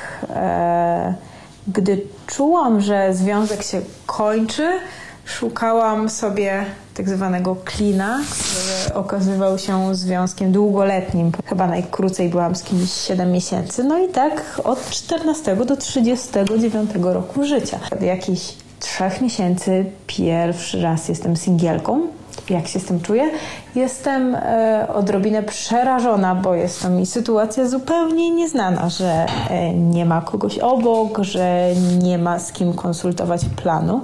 Jestem e, tego swojego czasu na maksa ciekawa, dosyć dobrze odnajduję się w sytuacjach e, tak zwanych w pojedynkę. Udaje mi się realizować podróże i nie są one tak przerażające, jeżeli jest się samemu. Nie martwię się, będąc na przykład w restauracjach. Jest to fascynujące, nawet e, siedzenie samemu, gdzieś jedzenie obiadu, czy e, wypicie drinka i zupełnie mnie to nie krępuje. Jak na razie brakuje mi chyba takiego towarzystwa do planowania, do perspektywy wakacji, spędzania czasu, ale myślę, że i do tego się przyzwyczaję. życia singla może trochę nauczyć przede wszystkim o sobie. E, mnie uczy tego, że nie każde spotkanie z płcią, którą się interesujemy, w moim przypadku z mężczyznami, musi kończyć się związkiem. Nie wiem skąd mi się to wzięło, ale przez całe życie właśnie tak funkcjonowałam. No właśnie, ja jestem w ogóle bardzo ciekawa, jak to dalej pójdzie, prawda? Czy, czy to jest e, osoba, która wejdzie za chwilę znowu w jakiś inny związek i to będzie jej najdłuższy okres singielstwa, to nie wiem, 3, 4, 5 miesięcy, e, czy być może tym razem będzie jakoś e, inaczej. Ale to trochę twój żeński odpowiednik, Wojtek. Mhm. Mm, z tym, że no ty nie podałeś takiego powodu, tak? Rzeczywiście ona nie wie, skąd się to wzięło, że że tak właśnie funkcjonowała, że, że ten klina, szukała klina. Wiesz Czyli co, kogoś, kto by zastąpił tę relację, która się kończyła. Ja myślę sobie, że też jest jednakże bardzo ważny element, który e, ja akurat bardzo mocno wierzę, że też warunkuje w dużej mierze to, w jaki sposób żyjemy i w jaki funkcjonujemy. To trochę też nawiązując do tego, co rozmawialiśmy przed tą głosówką. Ja właśnie trochę słuchając tego, a właściwie końcówki tej właśnie głosówki, kiedy powiedziała, że nie muszę wchodzić w każdą relację, która będzie od razu na stałe związ y, związkiem, to znowu myślę, że istotnym elementem pokolenia, który, z którego pochodzę, jest, że myśmy mieli w cudzysłowie utrudniony dostęp do seksu. Tak? Mhm. Znaczy, seks był absolutnie jakby związany z tym, że musisz być z kimś rela w, w, relacji. Tak? W mhm. ogóle jakby, nie wiem, One Night Stand, ok, istniał, ale nie był tak bardzo unormalizowany. Tak? Znaczy jakby generalnie, jeżeli chciałeś mieć również udane lub nieudane, ale jakiekolwiek życie seksualne, to generalnie lepiej było, jeżeli byłeś w relacji, nawet jeżeli ta relacja była sześciotygodniowa, tak? Znaczy tak. generalnie jakby... Tak, tak, tak, ale to jest mój chłopak, mogę, mogę się z nim seksić. Musiałeś spytać, czy będziesz ze mną chodzić, jeżeli mm -hmm. powiedziała tak, no to później dopiero było to przyzwolenie na to, żeby uprawiać seks. Dzisiaj faktycznie jesteśmy w świecie, w którym w ogóle nie muszę mieć z tobą żadnej relacji, żeby uprawiać seks mm -hmm. i jednocześnie na pewno nie będę potępiony, potępiona. Tak? Mhm. Znaczy, to już nie są te czasy, w których o jejku, jejku, babiarz lub, i to nie chodzi o nazwisko, lub ktokolwiek, lub ktokolwiek inny, tak? Znaczy, to też jakby unormowaliśmy. Mało tego, ja akurat faktycznie też wierzę, że w związku z tym ten seks stał się bardziej dostępny, co dobrze w ogóle z definicji i jeszcze lepiej jest to, że seks nie jest tym elementem, który powoduje, że wchodzimy w relacje, tak? Znaczy znowu mamy przepiękny ten wątek na przykład rozwinięty w serialu 1670, kiedy dokładnie syn cały czas mówi, że on już bardzo potrzebuje żony, bo już go nosi energia, tak? Znaczy to fajnie, że wyszliśmy ze średniowiecza i że generalnie już jakby to też umiemy w ten sposób y, określać. No ale to nie jest tylko o seksie, też w dużej mierze na przykład o podróżach. Hej, co do bycia singielką, również mogę pochwalić się doktoratem. Głównie podróżuję sama po Europie, chodzę po górach. Wielokrotnie się spotykam ze zdziwieniem, zaskoczeniem i niezrozumieniem tego, że jestem sama. I dla mnie sytuacja jest zupełnie odwrotna. Podróżowanie samej jest łatwiejsze, ponieważ e, no, nie muszę tutaj dochodzić do żadnych kompromisów, z nikim nie muszę decydować się na jakąś wspólną opcję. Po prostu robię to, co chcę, wstaję, o której chcę, idę gdzie chcę. Bardzo sobie to chwalę. E, wędrówki górskie są dla dla mnie rodzajem medytacji. Nie wyobrażam sobie przegadać takiej, takiej e, chwili. E, wśród takich e, zdziwień podróżniczych to zostają mi w pamięci takie podróże do Włoch, gdzie w XXI wieku moje równolatki, jestem czterdziestką, dziwiło to, że właśnie podróżuję sama. Mówimy o XXI wieku i o kobietach, które w tym społeczeństwie połowie, w 50% są niepracujące i na utrzymanie mężów. No tak, e, podróżowanie w pojedynkę jest fajne. Ja to bardzo lubię. Właśnie za chwilę y, będę przez miesiąc podróżowała sama, więc y, w ogóle dla mnie to jest fantastyczna opcja. Mm, nawet podróżując z moimi przyjaciółmi w, takich, w takiej grupie, na przykład, nie wiem, pięcioosobowej, mieliśmy takie momenty, ale umawialiśmy się na to oczywiście z góry, że każdy robi to, co chce i były na przykład takie chwile, kiedy na kilka dni się rozstawaliśmy na drugim końcu świata, na przykład w Indonezji, bo ktoś chciał zrobić to i polecieć tam, a ktoś tam ten. No dobra, no to spotykamy się za trzy dni, na przykład tu i tu. Spoko. Yy, I to jest rzeczywiście fajne i, yy, i tak jak mówiliśmy na początku o tych, o tych pięknych chwilach, bo moja ciocia mówi, z kim ty będziesz dzielić te piękne chwile? No na szczęście sama bardzo często, wiesz. Ja nie, ja nie potrzebuję tego faceta, który będzie siedział obok, na którego ramieniu położę głowę i powiem, ojej, jaki romantyczny zachód słońca. Mogę naprawdę to, to zachodzące słońce obserwować sama i będzie mi równie przyjemnie. Także mm, rozumiem tę dziewczynę naprawdę. Teraz się znowu zacząłem zastanawiać, jakby tak jak powiedziałem, to był bardzo krótki mimo wszystko etap w moim życiu, ale jednakże jak wyszedłem z małżeństwa i zanim poznałem obecną partnerkę, to byłem w tym etapie singielskim. To był moment, kiedy wszyscy moi przyjaciele, w większości będący w parach, gigantycznie o mnie zadbali. Znaczy w takim sensie, że oni naprawdę dbali o to, żeby mnie zabierać na wyjazdy, proponować mi wyjazdy i, i wszystko inne. Jak teraz o tym myślę, to na niektórych czułem się super, a na niektórych miałem takie przekonanie, że mnie wzięli z litości.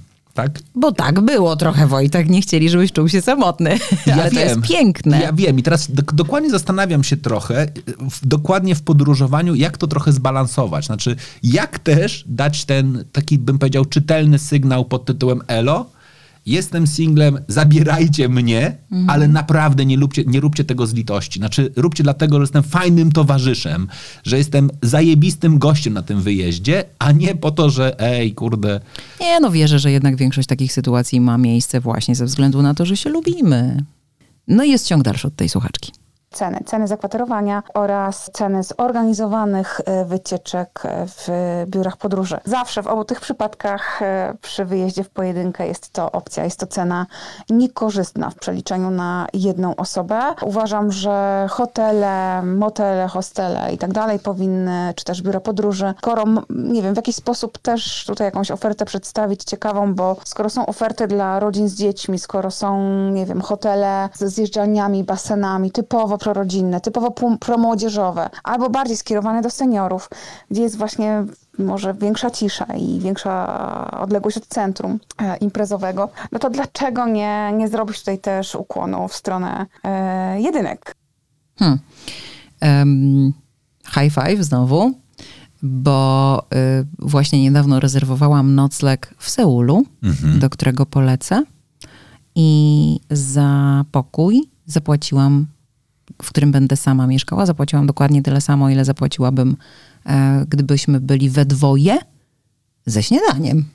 Czyli tak naprawdę zapłaciłam za drugie śniadanie jeszcze trochę, tak Mhm. jakby. E, No i nie wiem, za drugi komplet pościeli, bo to jest jakiś tam twin, czy, czy, czy Mhm. wiesz, no rzeczywiście trochę to jest nie fair. Pamiętam, że szukałam sobie takiego wyjazdu typu all inclusive na parę dni. Jest, jest takie jedno biuro, które ma takie oferty i one rzeczywiście cenowo są nieadekwatne do, ty, do tego, co oferują, co oferują parom. Ale rozumiem, że to pewnie wynika z tego, no, że jakby no, musi się im to opłacać, tak? Znaczy model biznesowy jest, po, jest absolutnie prosty. Najważniejsza rzecz, z której się hotel rozlicza, to jest po prostu rentowność pokoju. Kropka. Wbrew pozorom rentowność pokoju, czy śpi tam jedna osoba, czy dwie, dwie jest bardzo jakby... E, znaczy koszty prowadzenia pokoju są bardzo podobne. To nie jest tak, że oni też nie muszą zmienić tej drugiej pościeli, bo zgodnie z wymogami powinni. No tak. Więc oni i tak muszą ją zdjąć, wymienić e, i tak dalej. Okej, zgodzę się, zużyjesz mniej wody najprawdopodobniej i to są, ale to są mikrooszczędności. To, że ci każą zapłacić za podwójne śniadanie jest nie fair. Znaczy tu, akurat, to, to akurat bym się, e, bym się e, trochę na ten temat buntował. Moim zdaniem to, co jest bardzo nie fair w takim razie, to jest to, że nie ma ofert. Pytanie jest tylko, czy my się ich nie boimy. Znaczy, ja naprawdę mam takie trochę przekonanie, że znowu, dopóki pokolenie osób, dla których singielstwo jest powszechne, krótko mówiąc, ja wierzę, że to są dzisiejsze trzydziestki, nie dojdzie do poziomu, że będziemy decydentami w, w firmach turystycznych i będziemy konstruowali ofertę, to to jeszcze nie wejdzie, bo ja niestety mam też takie smutne, bardzo smutne przekonanie, że to nasze, mówię teraz o swoim, trochę seniorskie pokolenie na hasło wycieczka dla singli ma od razu sprośne myśli pod Aha. tytułem na bank to będzie autokar seksu. Tak? Znaczy generalnie wiesz, ponieważ serio, my jesteśmy pokoleniem, w którym nam wmówiono, masz szukać pary. W związku z tym, jakbyśmy dali ofertę biura podróży, wycieczka dla singli do hotelu, to gdybym poszedł do, nie wiem, dyrektora tego hotelu, który nie daj Bóg ma właśnie, nie wiem, 50 lub 60 lat i został wychowany w tym świecie, że najważniejszą rzeczą dla każdego człowieka jest znalezienie tej drugiej połówki i tak dalej i on widząc, że przyjadą single, to on powie, nie, to oni się będą na pewno grzydzić i tak dalej, bo myślę sobie, że my naprawdę, to co między innymi mam nadzieję, że wychodzi z tej rozmowy, musimy zaakceptować, że bycie singlem nie oznacza, że się rzucam od razu na każdą kobietę, który, że jestem facetem singlem, którą widzę, lub faceta singla, którego widzę, lub jeżeli jestem singielką, to na każdego faceta, bo niczego innego w życiu nie potrzebuję, to dopaść kogoś, kogo usidlę i z nim zbuduję związek. Ej, no jak na razie wynika z tego, że są osoby, które chciałyby podróżować, być być może pośród innych również singli po to, żeby ciekawie spędzać czas i to nie oznacza, że jedziemy tam po to, żeby od razu poznać partnera. Oferta dla singli nie jest równoznaczna z tym mam nadzieję, mam na myśli wycieczka dla singli nie jest równoznaczna z biurem matrymonialnym. To nie jest tak, że my teraz do tego pokoju wasz wrzucimy i wy się na pewno poznacie i wrócicie w szczęśliwych parach. Nie, pojedziemy jako single, wrócimy jako single, bo tak lubimy. I to jest coś, co się musi zmienić moim zdaniem bardzo mocno w głowach. Być może ta rozmowa dotrze do kogoś, kto jest właścicielem hotelu lub biura podróży i powie, ej, ale to jest sprytne. Oni nie muszą tam robić wielkiej balangi.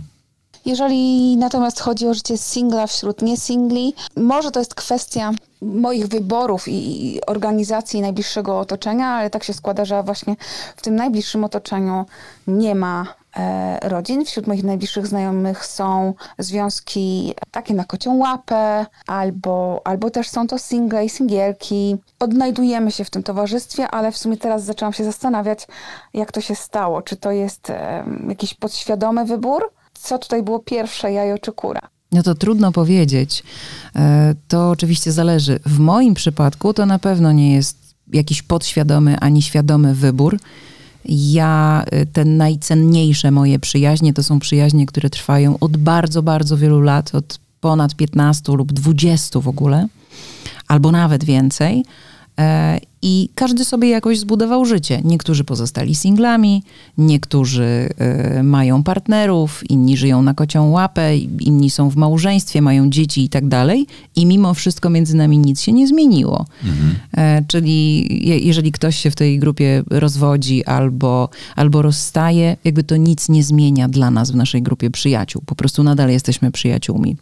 Jakaś tam część odpada, ale my nadal się przyjaźnimy, więc no to zależy, to zależy, ale wierzę, że singiel może się rzeczywiście bardziej komfortowo czuć pośród innych singli, a niekoniecznie wśród samych rodzin z dziećmi na przykład, tak? Mm, Bo oni mają już trochę inne tematy, o czym innym rozmawiają i, e, i to może być też gdzieś poszukiwanie właśnie takich, mm, takich ludzi i otaczanie się nimi. Mało tego, może być też kłopotliwe w drugą stronę. Znaczy ja totalnie zdaję sobie sprawę też z tego, że szczególnie jeżeli wpadasz w taki mood, czy też sposób myślenia, który mówi, kurczę, teraz założyłem rodzinę, to się muszę ustatkować. Nie mogę już chodzić na fajne imprezy. Nie mogę spontanicznie podejmować decyzje, bo w końcu muszę to wszystko uzgadniać, konsultować. Teraz jeszcze dodatkowo, jeżeli ktoś ma myślenie, że dziecko to tylko obowiązek, tak, i ojejku, teraz dopóki nie będzie 18-letnie, to my nigdzie z nim nie pojedziemy, bo by, jesteśmy uwiązani, no to single, które są dookoła też cię wkurzają, tak? Znaczy, bo oni są takim żywym wspomnieniem wolności.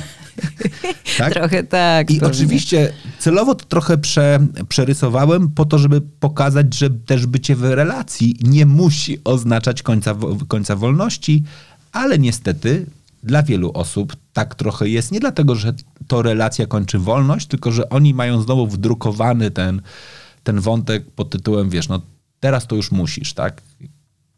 pomimo, że nie mam problemu z tym, żeby pójść samej do kina, restauracji, na wystawę, to zdarza się taka sytuacja, która mnie zaskakuje. To ja lubię wybierać stolik w restauracji, taki, jaki mi się podoba, w miejscu, w którym mi się podoba, przy oknie, e, nie wiem, daleko od toalety, a nie aby to był wskazany przez kelnera stolik, który jest odpowiednio mały dla jednej osoby, czyli na przykład jest dwuosobowy e, w miejscu, które mi się nie podoba. Lubię siedzieć przy stoliku czteroosobowym sama. I chyba tyle. Pozdrawiam serdecznie i dziękuję za każdą dobrą rozmowę. No, my dziękujemy za to, że w tej dobrej rozmowie uczestniczycie. No i to jest znowu taka, mm, taki moment, w którym ja znowu tak kiwam sobie głową i wewnętrznie mówię, wewnętrznie mówię, no, no właśnie, no o to chodzi. Um, rozumiem, tak jak w przypadku rozmowy o ofertach dla singli w hotelach i o rentowności pokoju, która jest kluczowa tutaj, tak samo w restauracji. Wiadomo, że re niektóre restauracje są oblegane, potem stoi kolejka. Wiadomo, że na przykład jeżeli jestem sama, co jest fajnego w byciu singlem? Jeżeli jestem sama i idę do restauracji, a robię to, zawsze wejdę. Nawet jak jest kolejka, bo łatwiej jest znaleźć miejsce dla jednej osoby niż dla czterech, sześciu, które przyszły razem, prawda?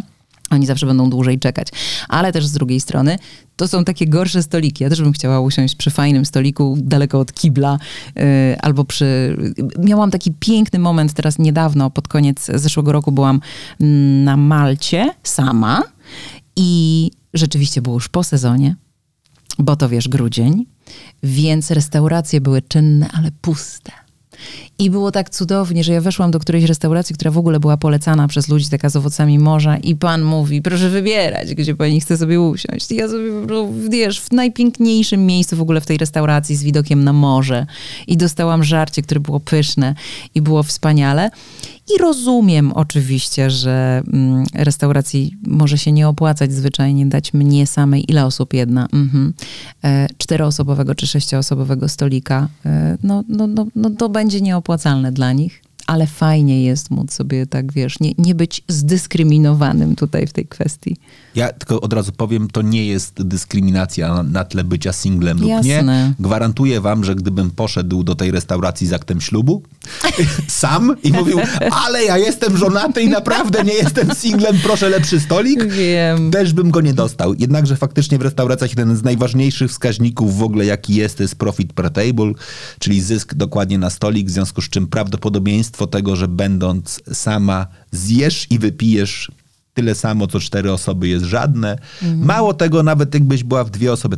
To, co jest przepiękne też w tej, e, w tej e, głosówce, to jest umiem chodzić do kina, restauracji i pozostałych miejsc samemu.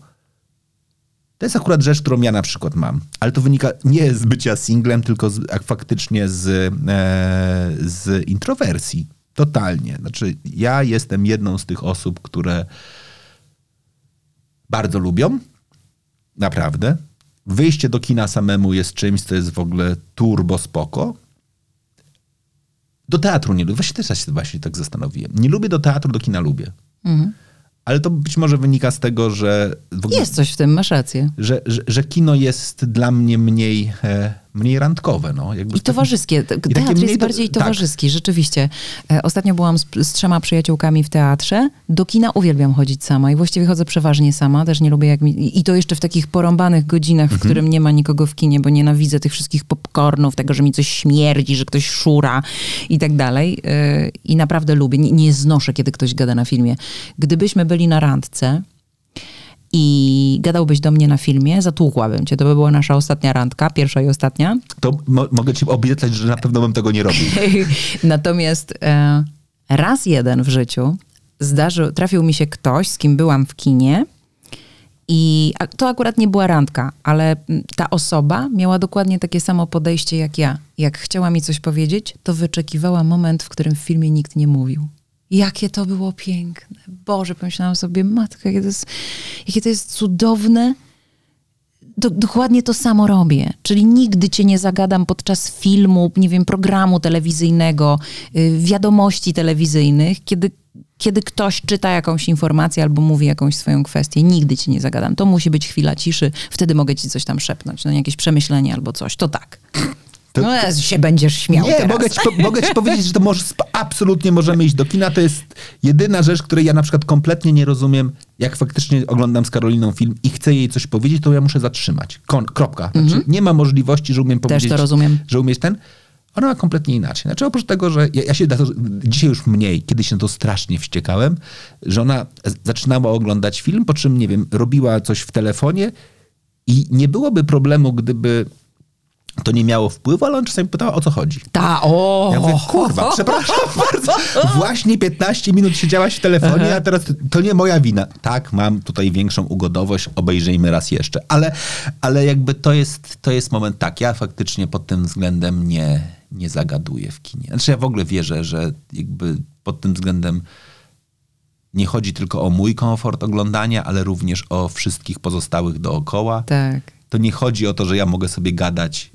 Okej, mogę się śmiać głośno, Mhm. trudno. Ty, Jeżeli, wyobrażam sobie, że ty pewnie to robisz. Jeżeli mnie to rozbawiło, to, to będę się śmiał głośno, natomiast pozostałe rzeczy są absolutnie, nie jesteś tam sam. Jak Mhm. chcesz sobie komentować, jest jak ja nienawidzę, ktoś komentuje film. Boże, Jezu, a jeszcze ktoś komentuje, "E, a zobacz, on mu teraz powiedział, albo pamiętasz w tym innym filmie, to była taka podobna scena. Jezu, ja bym udusiłbym wtedy. To sobie kup sobie kino domowe i sobie je tam oglądaj. Ale jak idziesz w miejsce publiczne, to dbaj nie tylko o swój komfort, ale również o komfort pozostałych. Amen, bracie. No dobra, to mam nadzieję, że to dla Was była bardzo dobra rozmowa, bo nam się podobało. Tak jest. Wojtek nadal jest w związku, ja nadal jestem singlem po tej rozmowie. Nic się tutaj nie zmieniło. Wydaje mi się, że, e, że, że nasze podejścia jakoś się drastycznie nie zmienią do, do, do tych kwestii. Ale to, co mam nadzieję, że się zmieni, to zmieni się również postrzeganie dla Waszych przyjaciół.